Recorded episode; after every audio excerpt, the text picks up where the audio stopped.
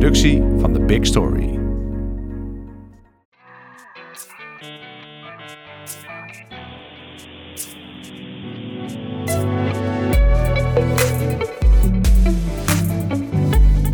Dit is Komt een blad bij de dokter, de podcast van bladerdokter.nl over media-innovatie. Uitgevers hebben het niet makkelijk. Met de toenemende concurrentie van gemakkelijk toegankelijke content zien veel redacties de band met hun vaste lezers verwateren. Wie relevant wil blijven, zal beter moeten inspelen op de behoeftes van gebruikers. Maar hoe doe je dat?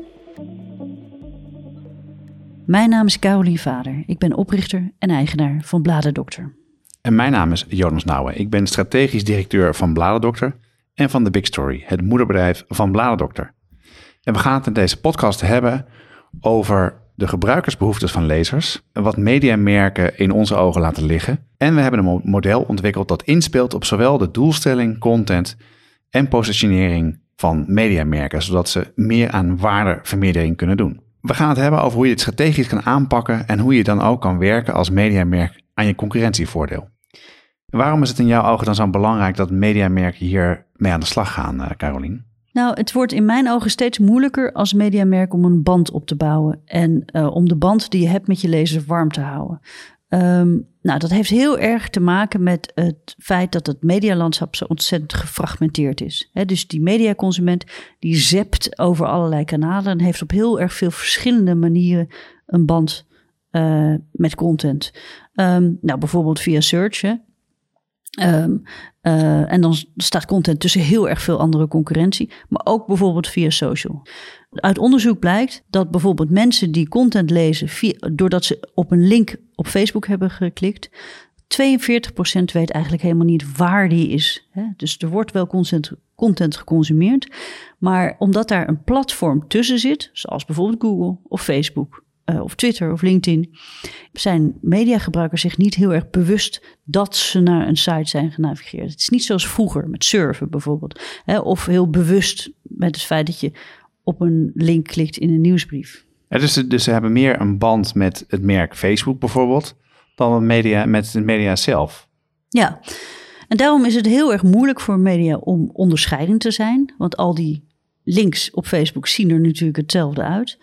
Um, en uh, daarbij is het natuurlijk ook heel erg moeilijk om relevant te blijven, omdat daar ook nog eens ontzettend veel andere aanbieders tussen zitten. En relevant bedoel je dan? Relevant van mediamerk naar de lezer of de kijker toe? Ja, wanneer doe je ertoe? En wanneer is de tijd van de lezer? Uh, in, ja, wanneer vindt de lezer, zeg maar, het de tijd, zijn, zijn spaarzame tijd waard, zeg maar, om te klikken en te gaan lezen?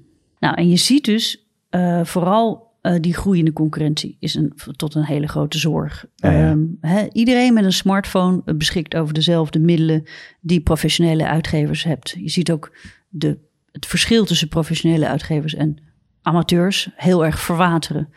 Je ziet ook een enorme toename in de hoeveelheid content afkomstig van bijvoorbeeld consumenten. Um, en he, denk maar even aan bijvoorbeeld Nicky de Jager, Nicky Tutorials, ons Ja.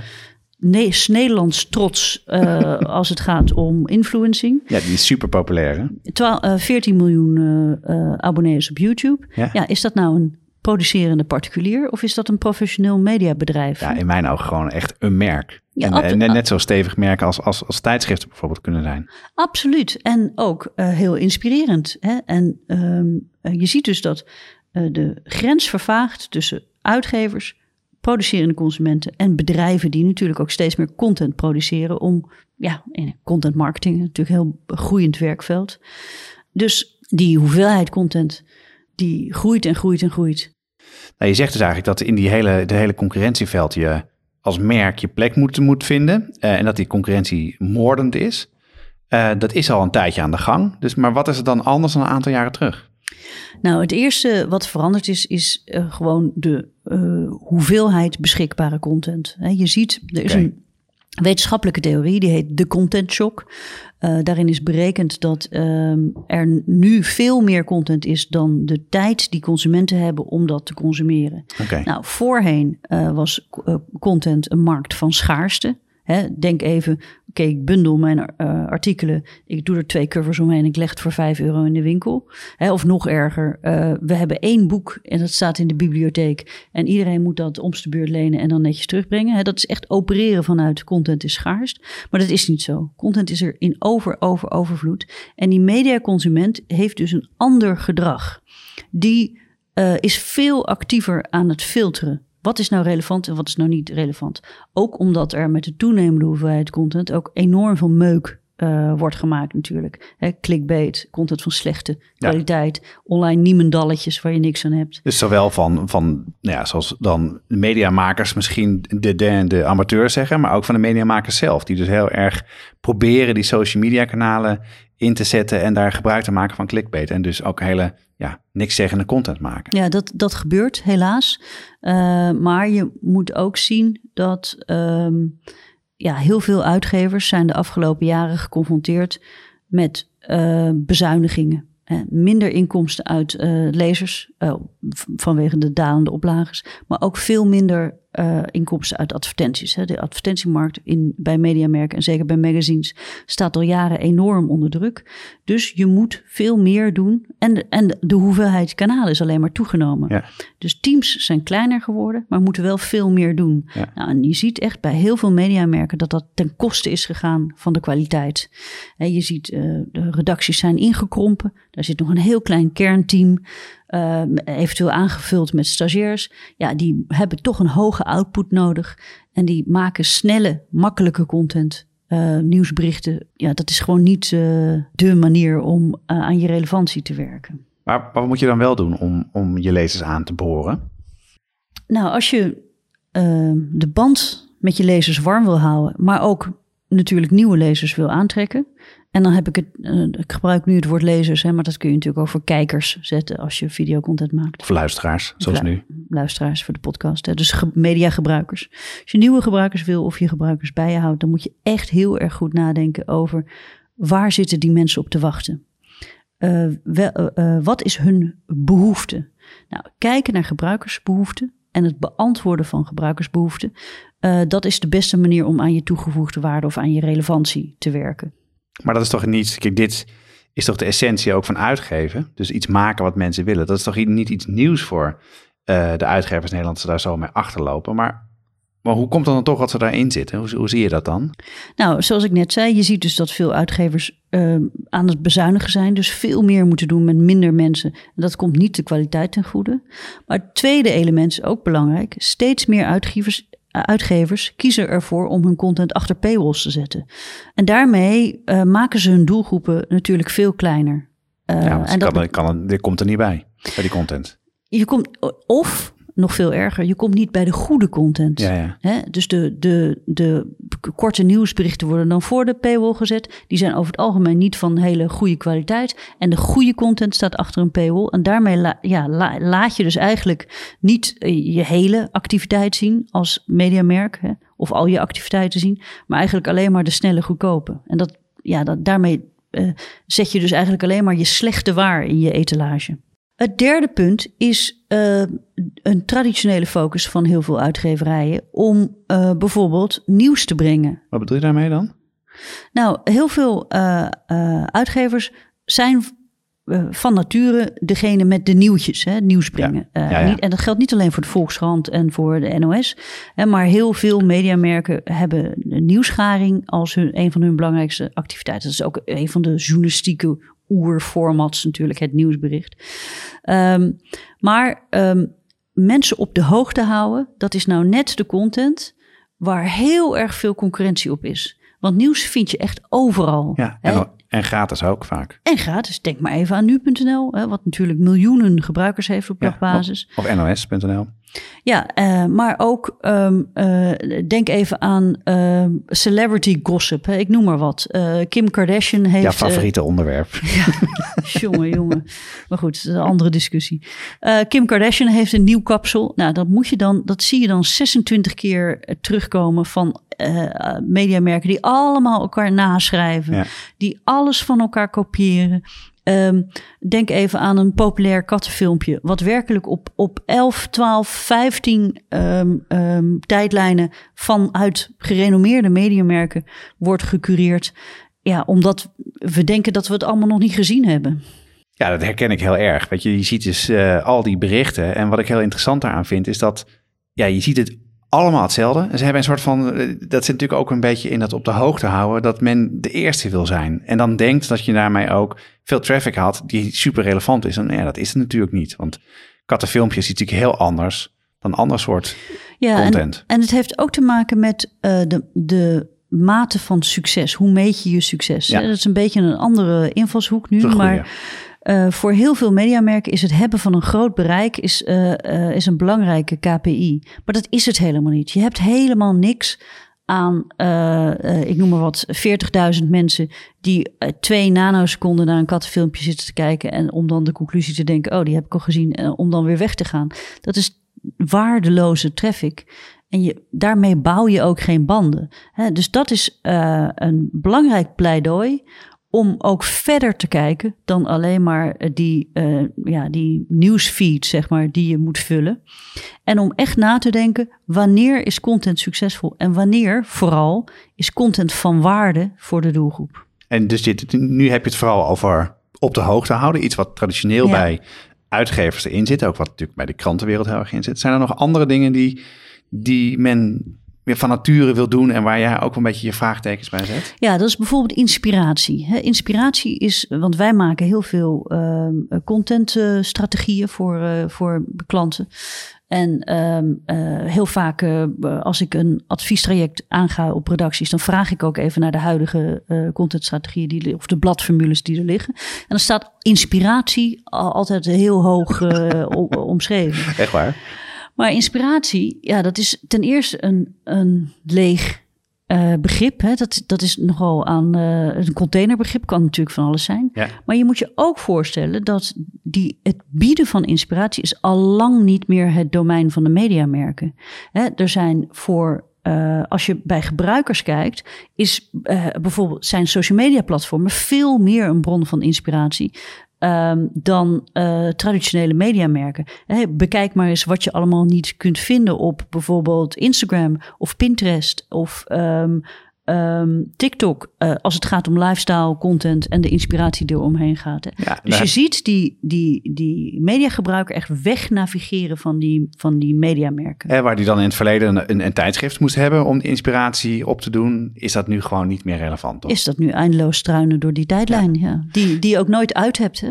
en altijd up-to-date is. Ja, en als je nou naar deze traditionele manieren kijkt, die, die heel erg dicht bij uitgevers liggen traditioneel. Wat zou je advies dan zijn om, daar, om, om het anders aan te pakken?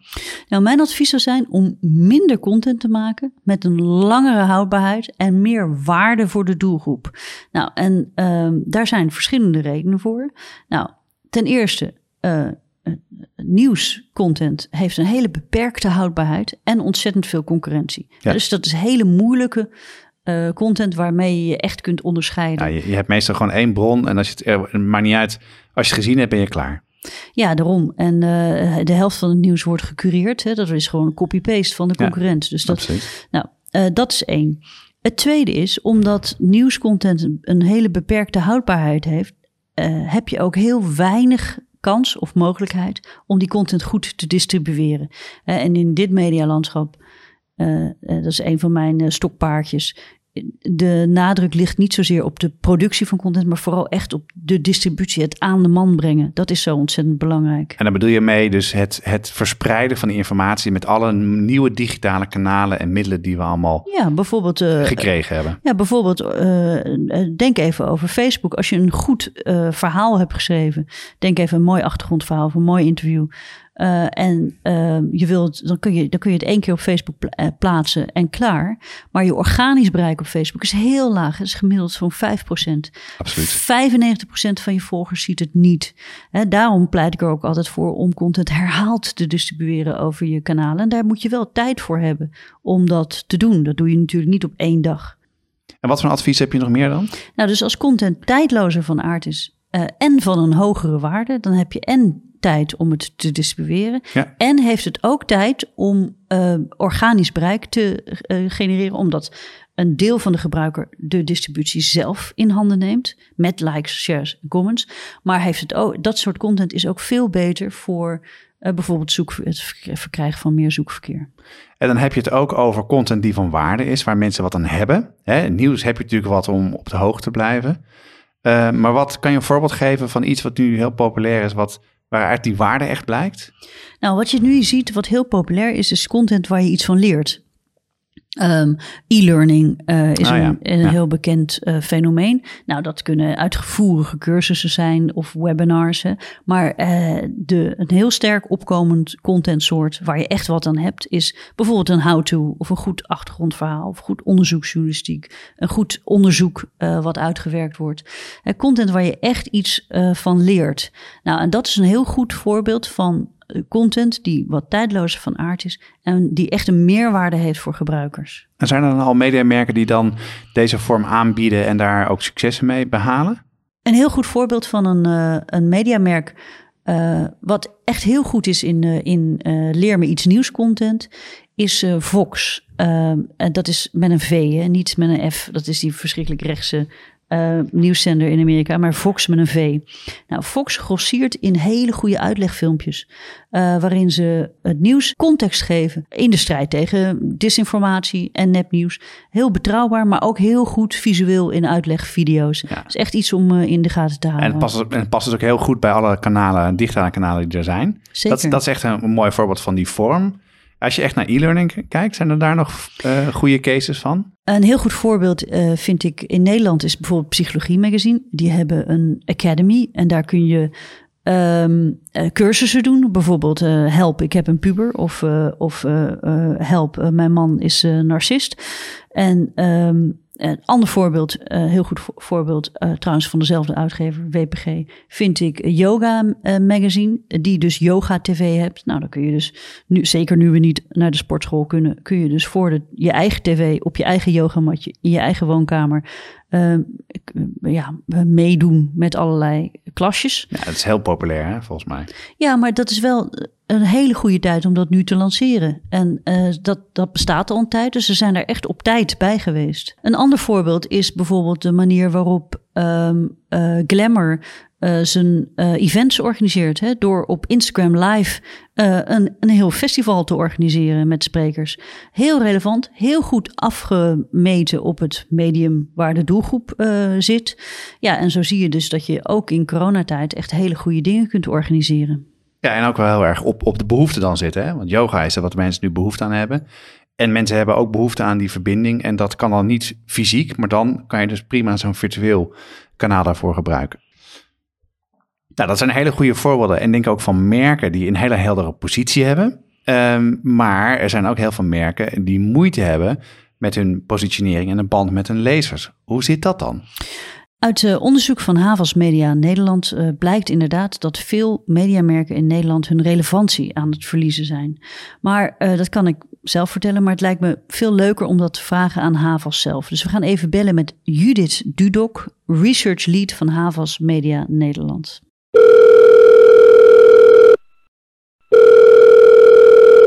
Hallo Judith, wat fijn dat je even tijd kan vrijmaken om te praten over jullie onderzoek. Hoi Carolien. Uh, Judith, kun jij iets vertellen over de achtergrond van jullie onderzoek? Zeker. Um, wij hebben onderzoek uitgevoerd onder bijna 11.000 Nederlanders. En in het onderzoek hebben we voor 108 verschillende mediamerken, dus tv-zenders, radiostations, dagbladen, tijdschriften, social media kanalen. Hiervoor hebben we onderzocht hoe waardevol deze merken zijn in het leven van mensen. Dus we hebben gekeken naar hoe deze mensen scoren op verschillende uh, functionele aspecten. Dus gewoon simpelweg de kwaliteit van de, van de content die aangeboden wordt. Of de prijs bij sommige kanalen. De verschillende formats die aangeboden worden. Maar ook naar emotionele aspecten. Dus wat is nou eigenlijk het invloed van die merken op, op het dagelijks leven van, van uh, mensen en, en, en op de maatschappij ook. Oké, okay, en, en jullie hebben ook gekeken naar attachment. Kun je daar iets over zeggen? Ja, ja klopt. Dus een van, die, een van die aspecten die we gemeten hebben is inderdaad uh, attachment. En dat hebben wij gedefinieerd als uh, ja, of, een, of een mediamerk gemist zou worden als het niet meer bestaat. En nou blijkt dat 93% van mediagebruikers uh, aangeeft dat ze hun mediamerk niet zullen missen als het van de markt zou verdwijnen. Daar schrik ik echt van. Dat vind ik heel erg hoog. Kun je iets zeggen over hoe die, dat cijfer tot stand is gekomen? Ja, ja, zeker. Nee, dat begrijp ik. Daar schrokken wij zelf ook van. Nee, inderdaad. Slechts 9 van de 108 merken die we hebben gemeten worden echt als onmisbaar gezien. Ja. En nou ja, de kanttekening die we daarbij moeten plaatsen is dat dit is gevraagd aan, aan iedereen, aan heel Nederland. Hè? Dus kijk, iemand die Linda uh, onmisbaar vindt, die zal dit waarschijnlijk niet zo snel zeggen van Top Gear Magazine. Ja. ja? Dat is logisch. Dus kortom, het is, het is op zich logisch dat uh, uh, niet iedereen hetzelfde als onmisbaar ziet. Mm -hmm. Maar je keek in het onderzoek ook naar het verschil tussen zeg maar vaste gebruikers van mediamerken en media uh, en mensen die het merk wel kennen, maar het in principe niet op de voet volgen. En wat is nou het verschil tussen eh, de groepen als je kijkt naar attachment bij mediamerken? Ja, klopt. We hebben inderdaad ook naar die gebruikersgroep gekeken. En um, als je inzoomt op die specifieke groep, dus gebruikers van de mediamerken, dan daalt dit percentage enorm. Mm -hmm. Dan wordt het dat die, die 92% gaat naar 35%. He, enorm verschil. Maar ik moet, ik moet persoonlijk zeggen dat ik dat nog steeds redelijk hoog vind. Dus ja, bij... dat betekent dat ruim een derde van je abonnees een hele lage attachment heeft. En dan is het dus ook helemaal niet zo gek dat mensen hun abonnementen opzeggen. Nee, precies. 35% is natuurlijk een ontzettend groot aandeel. Het zijn je gebruikers en zelfs die kunnen dan nog jouw merk missen. Ja. Jullie hebben in het onderzoek ook gekeken naar relevantie van verschillende kanalen. Dus ook online kanalen, eh, online video, social media. Welke conclusies komen daar nou uit? Ja, we hebben al die verschillende aspecten hebben we een vergelijking gemaakt tussen de verschillende kanalen inderdaad. En uh, we zien dat die verschillen op kanaalniveau niveau niet ontzettend groot zijn hoor. Maar de online kanalen, uh, online video, social, die scoren toch wel steeds net iets hoger. En dan gevolgd door tv, radio en um, tijdschriften en dagbladen staan eigenlijk uh, heel vaak onderaan. Um, en waarom is dat? Waarom komen die traditionele media, zoals bijvoorbeeld magazines, ja. er zo bekijkt vanaf? Ja, ik, vind dat, ik, ik kan dat als, als onderzoeker niet heel veel over zeggen. Tenminste, niet, niet uh, op basis van de cijfers. Maar als ik, als ik mijn persoonlijke visie daarop moet geven, is dat ja, vooral bij tijdschriften zie je natuurlijk, dit, dat, dat, dat zijn niche-merken. Weet je, die hebben ontzettend specifieke mhm. doelgroep als, als losstaande, losstaande merken. En juist omdat je zo'n niche-groep bedient, moet je eruit springen. Je moet relevant zijn, je moet waarde toe kunnen voegen. En met algemene contentstrategie kom je gewoon, kom je gewoon niet weg.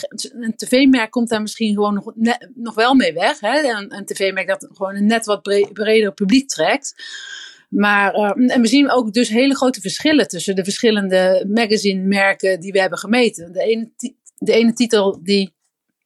De ene titel die slaagt hier gewoon veel beter in dan de andere. Wat is nou jouw advies aan uitgevers in Nederland? Nou, het is eigenlijk vrij simpel. Maak een keuze. Kijk, luister naar je doelgroep. Doe vooral onderzoek. Hè, waar liggen die behoeften? Wat zoeken ze in jouw titel? En sluit je contentstrategie daarop aan. Durf het aan om gewoon het, het roer om te gooien en hier keuzes te maken. In plaats van van alles een beetje, wel, uh, een beetje te doen. Ik denk dat je daar echt een verschil kunt maken. Oké, okay, Judith, nou, dat is helder. Dankjewel. Graag gedaan.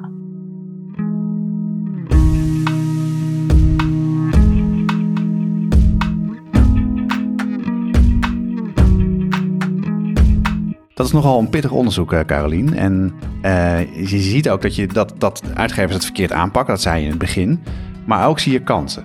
Uh, daar laten we het daarover hebben. En leg eerst even kort uit wat de mediamerken in jouw ogen nu moeten doen. het eerste is dat je als uitgever eigenlijk um, moet stoppen met de, om dezelfde processen te hebben die je al heel erg lang hebt. er zijn nog steeds bij heel erg veel uitgevers uh, een focus op papier en niet op uh, crossmediale werkprocessen.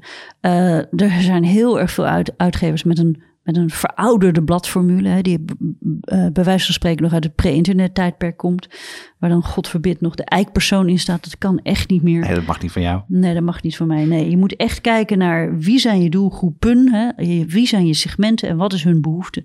Wat ik eigenlijk wil aanraden is een soort harde reset Hè, om echt opnieuw te gaan beginnen. Ja, dus echt gewoon uh, oude weg helemaal opnieuw starten. Ja, en dat klinkt heel uh, uh, dramatisch. Dat is vrij rigoureus, ja. vrij rigoureus, maar nou, straks kunnen we weer bij elkaar komen. Hè, dus kunnen we ook weer heidagen organiseren. En gewoon echt dus even met een redactie en met uitgevers bij elkaar... om goed te praten over de vraag wanneer doe je ertoe? Ja. En dat is het. En dat, um, uh, nou, en heel veel redacties die hobbelen, die hebben daar helemaal geen tijd voor. Hè? Die hobbelen van deadline naar deadline. En die zijn zich eigenlijk nauwelijks bewust van het feit dat het concurrerende omveld heel erg, of het speelveld de markt waar ze in opereren eigenlijk heel erg is veranderd.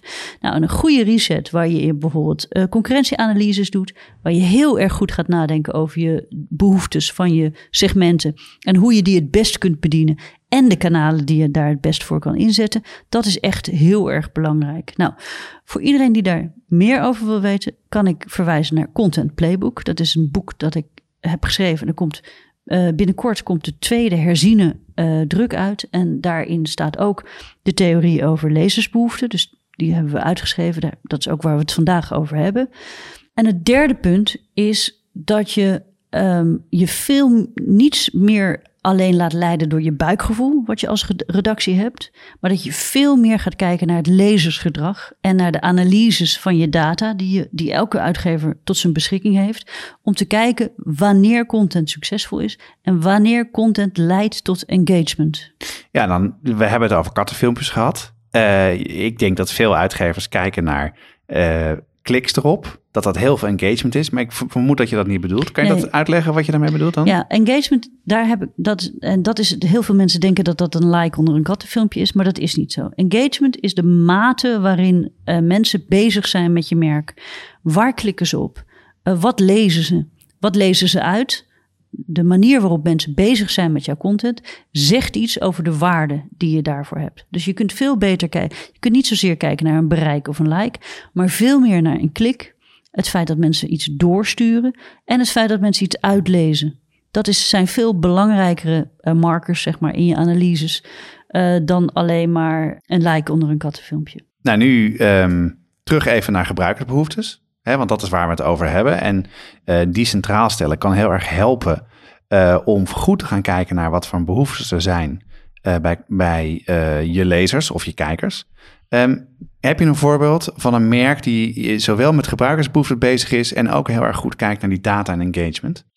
Ja, dat heb ik. En ik wil heel graag een verhaal vertellen over Vogue. Um, Vogue is, um, een heel, is natuurlijk wereldwijd heel erg gegroeid. Je hebt 26 licenties. Um, met uh, ongeveer 60 miljoen online lezers uh, in al die taalversies in al die landen. Nou, en uh, je hebt, ik wil het, het, verhaal vertellen over Sarah Marshall. En zij is Head of Audiences bij Vogue International. En okay. zij heeft onderzoek gedaan um, onder 5000 lezers in 10 verschillende landen.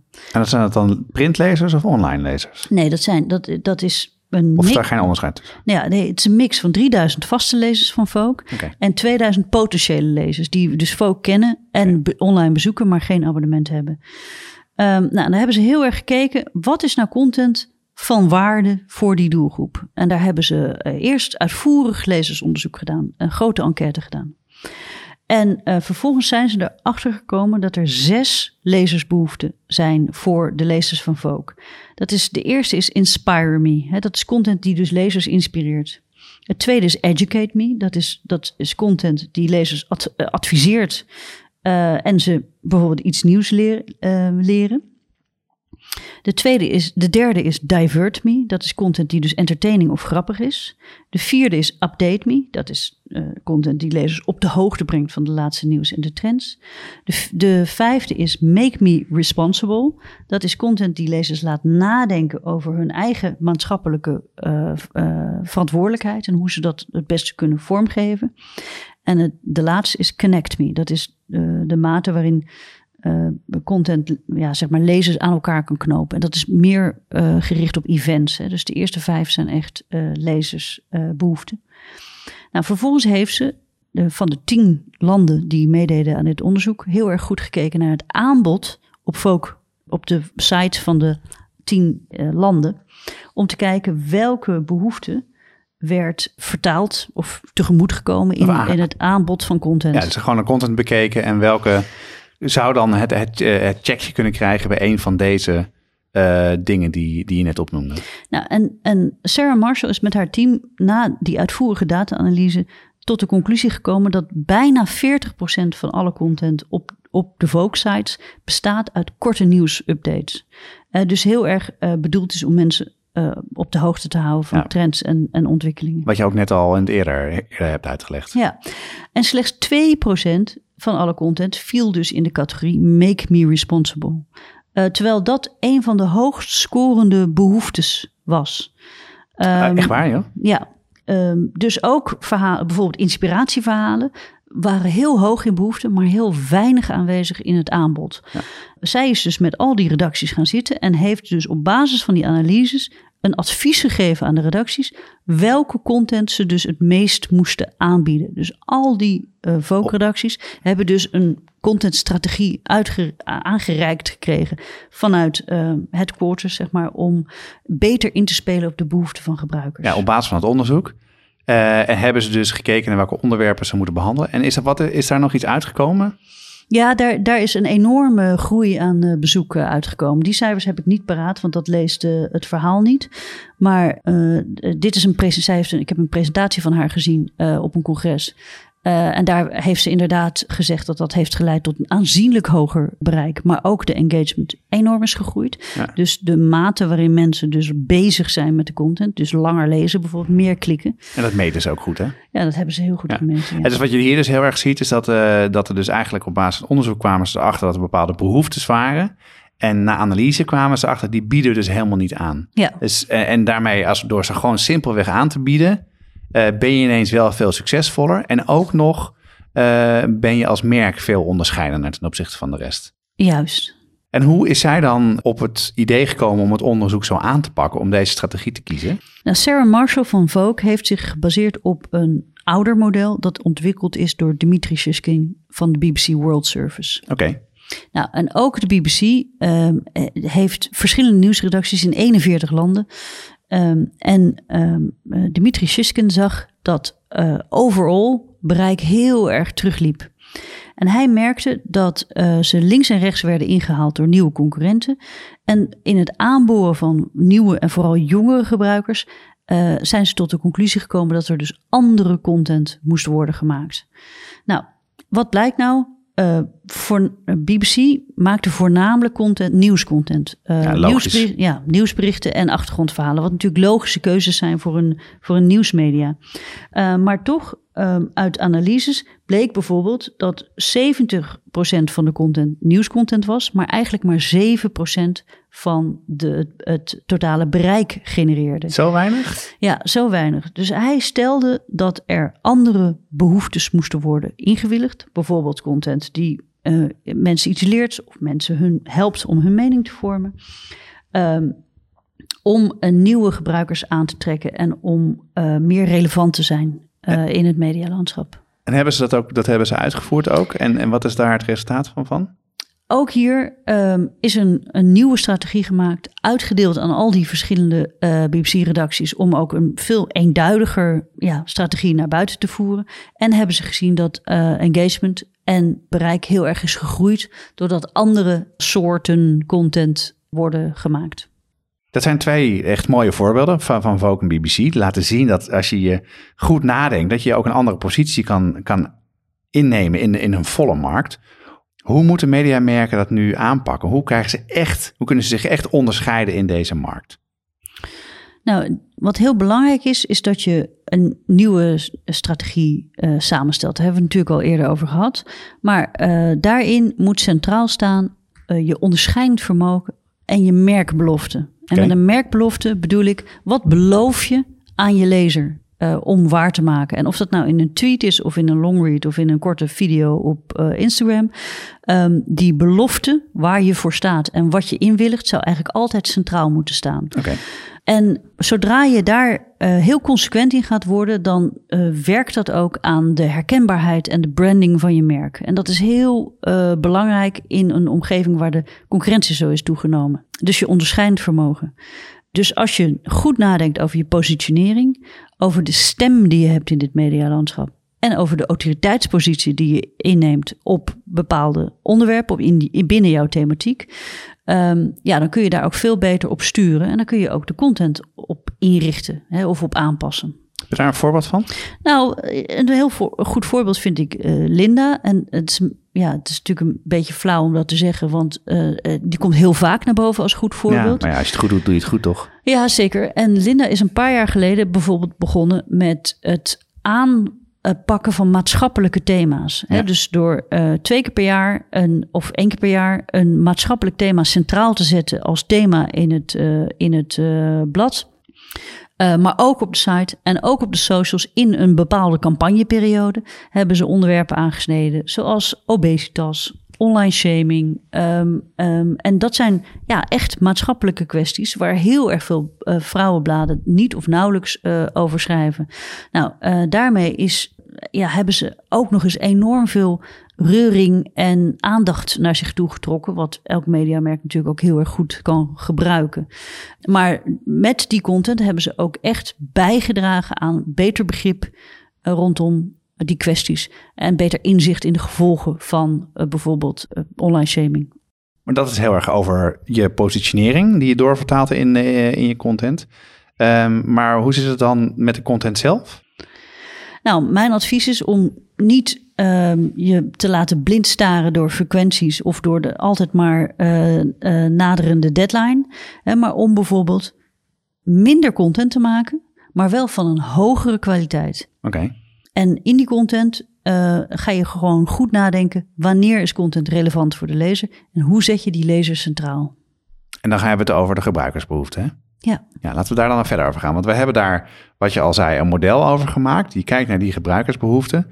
Dat hebben we gebaseerd op de, de voorbeelden die je al genoemd hebt van de BBC en Vogue, maar ook een voorbeeld uh, van BuzzFeed en Google heeft er ook onderzoek naar gedaan. Uh, en daar zijn we tot zes gebruikersbehoeften gekomen. Dus licht ze even uh, toe. Ja, er zijn zes gebruikersbehoeften die je kunt formuleren en die je in je contentstrategie centraal kunt stellen. De eerste lezersbehoefte is: hou me op de hoogte. Dat is zogenaamde praat me bij content. Hè, die lezers op de hoogte brengt van nieuws, ontwikkelingen, trends, maar ook de lopende discussies uh, waar mensen over praten op social media. Nou, waar we het over gehad hebben. Ja, nou, en hele goede voorbeelden daarvan zijn bijvoorbeeld nieuwsberichten of achtergrondverhalen, maar ook tips, wist je datjes, uh, maar ook bijvoorbeeld de shoppingproductpagina's in uh, de glossies. Oké, okay, ja, natuurlijk. De tweede is leid me af content. Dat is content die uh, de zinnen verzet, zeg maar. En de mensen ook helpt om te entertainen als ze tijd aan het doden zijn. dat is bijvoorbeeld content rond, rondom humor of vertedering, entertainment ook uh, zogenaamde what the fuck of oh my god content. Um, de derde is inspireer me content. Dat is content die uh, gebruikers nieuwe ideeën geeft of uitdaagt om nieuwe dingen te proberen. Uh, dat is content die creatief en enthousiast maakt. Um, bijvoorbeeld mooie reportages of binnenkijkers, uh, de metamorfoses, goede uitlegvideo's. Um, en de vierde? De vierde is raak en verbind me content. Dat is content die inspeelt op herkenning of erkenning uh, van gebruikers en ze het gevoel geeft dat ze ergens bij hoort. Hè. Zeker in communities en niches is dat natuurlijk heel erg belangrijk.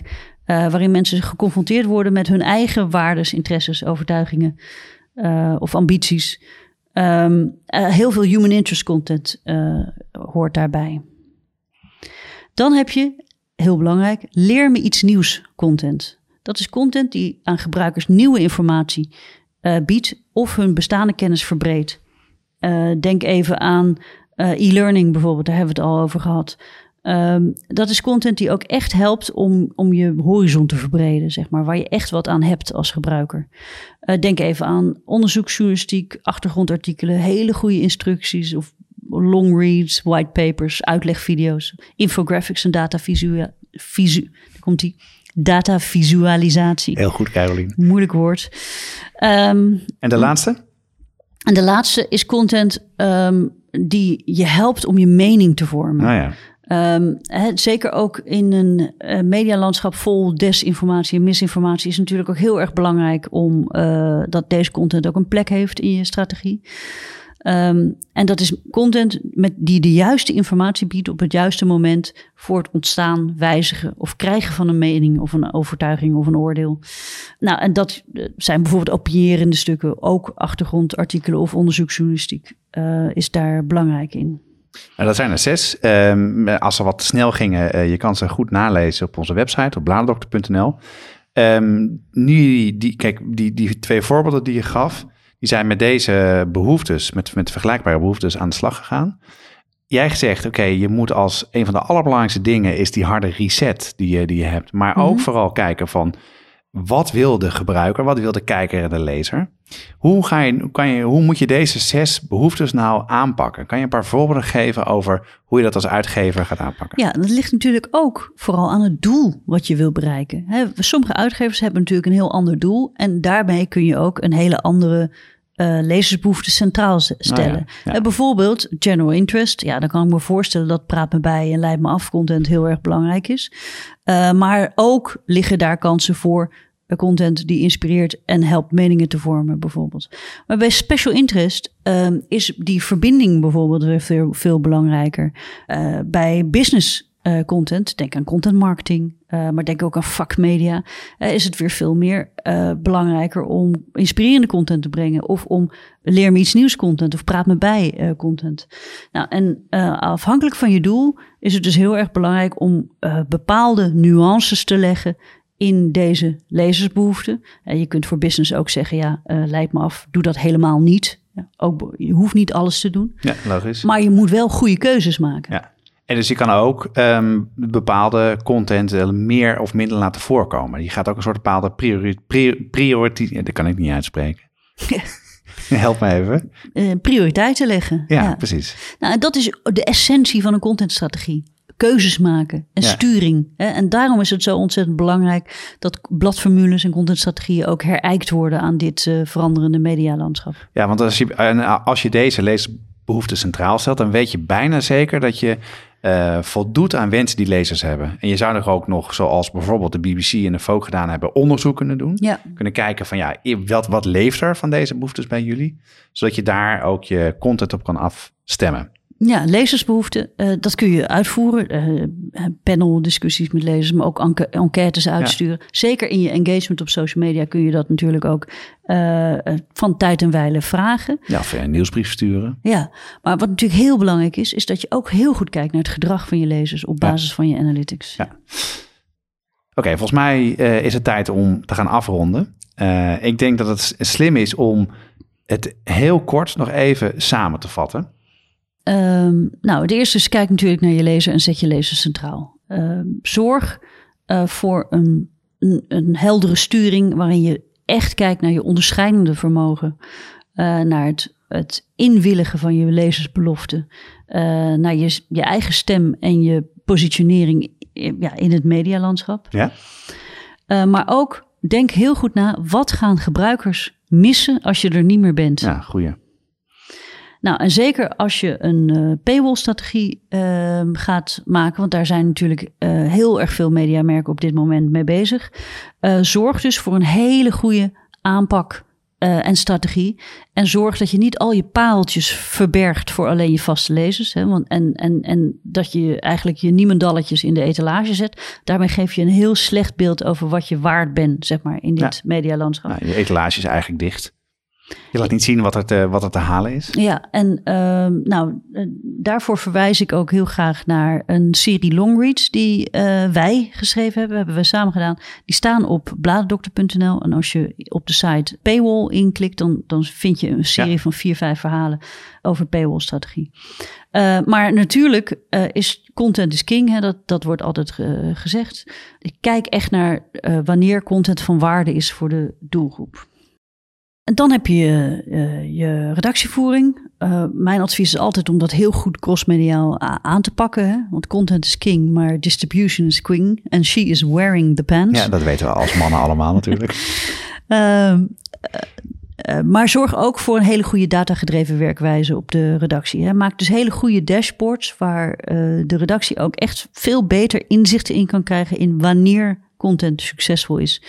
Uh, bijvoorbeeld door het onder te verdelen in per behoefte, zoals we hebben uh, besproken al. En dan kan je dus goed zien of als je de Bluetooth gaat toevoegen, dat dat ook meer tot meer traffic gaat leiden. En dan geeft ook een bevestiging van je aanpak. Ja, absoluut. Nou, en vooral ook, um, ja, de, heel veel redacties zitten in een soort Groundhog Day met uh, elke keer maar het halen van de, van de, van de deadline. Hè. Die produceren heel veel content, publiceren dat en gaan dan weer door. Maar maak liever minder content van meer waarde en een hogere kwaliteit. En zorg voor een veel betere distributie.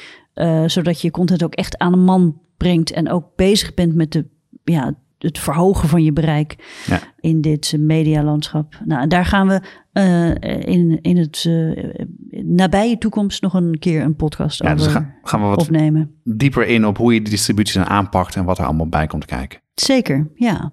Nou, en als laatste, uh, lees de longread op Bladerdokter. We hebben dit verhaal over lezersbehoeften uh, helemaal uitgeschreven. Uh, die staat ook op de site. zullen we dat bij de podcast in de show notes zetten. maar lees dat verhaal en ga daarmee aan de slag. Oké, afsluitend Carolien. Um, dit model heb jij al besproken met een aantal uitgevers en er kwamen onwijs goede reacties uit.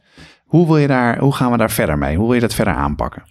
Ja, nou, we gaan, uh, we, we gaan dit verder. Maar we zijn ook vooral heel erg benieuwd naar reacties die jullie zelf hebben. Dus als je nou uh, op de redactie uh, gaat experimenteren met andere vormen van content, dan zijn wij ook heel erg benieuwd welke uh, ja, reacties je daarvan krijgt en hoe de, hoe de doelgroepen reageren op je hernieuwde strategie. Dus als je daar een leuk verhaal uh, over hebt, laat iets van je horen. Je kunt me altijd mailen of bellen. Via de site kun je ook een formulier invullen op bladerdokter.nl om in contact te treden. Maar we zijn dus echt heel erg benieuwd wat er gebeurt als je dit doet. Ik vond het heel leuk om op deze manier eh, gast te zijn in, eh, in de podcast eh, van jou, Carolien. En ook om echt een keer de diepte in te gaan met een onderwerp. En ik hoop dat jullie daar ook mee, luisteraars, daarmee geholpen zijn. Ga ook aan de slag met die transitie naar digitaal. En ik denk dat we allemaal merken dat, die, dat, die, dat daar een versnelling aan het plaatsvinden is. Die was er al, maar zeker door corona zien we nog meer dat daar de, het belang daarvan in. En werk aan een mooie toekomst voor media. Ehm, tot de volgende keer, dan weer met een nieuwe gast. En dank voor het luisteren. Dit was Komt een blad bij de dokter, de podcast van bladerdokter.nl. Elke maand hebben we nieuwe gesprekken met bladermakers en hoofdredacteuren over de ontwikkelingen in het vak. Op bladerdokter.nl kun je alle gesprekken terugvinden, of beter, abonneer je via Apple Podcast of Spotify. Bladerdokter publiceert elke maand een nieuwsbrief met interessante artikelen over magazines, vol nieuws, achtergronden en analyses. Je kunt je inschrijven via bladerdokter.nl.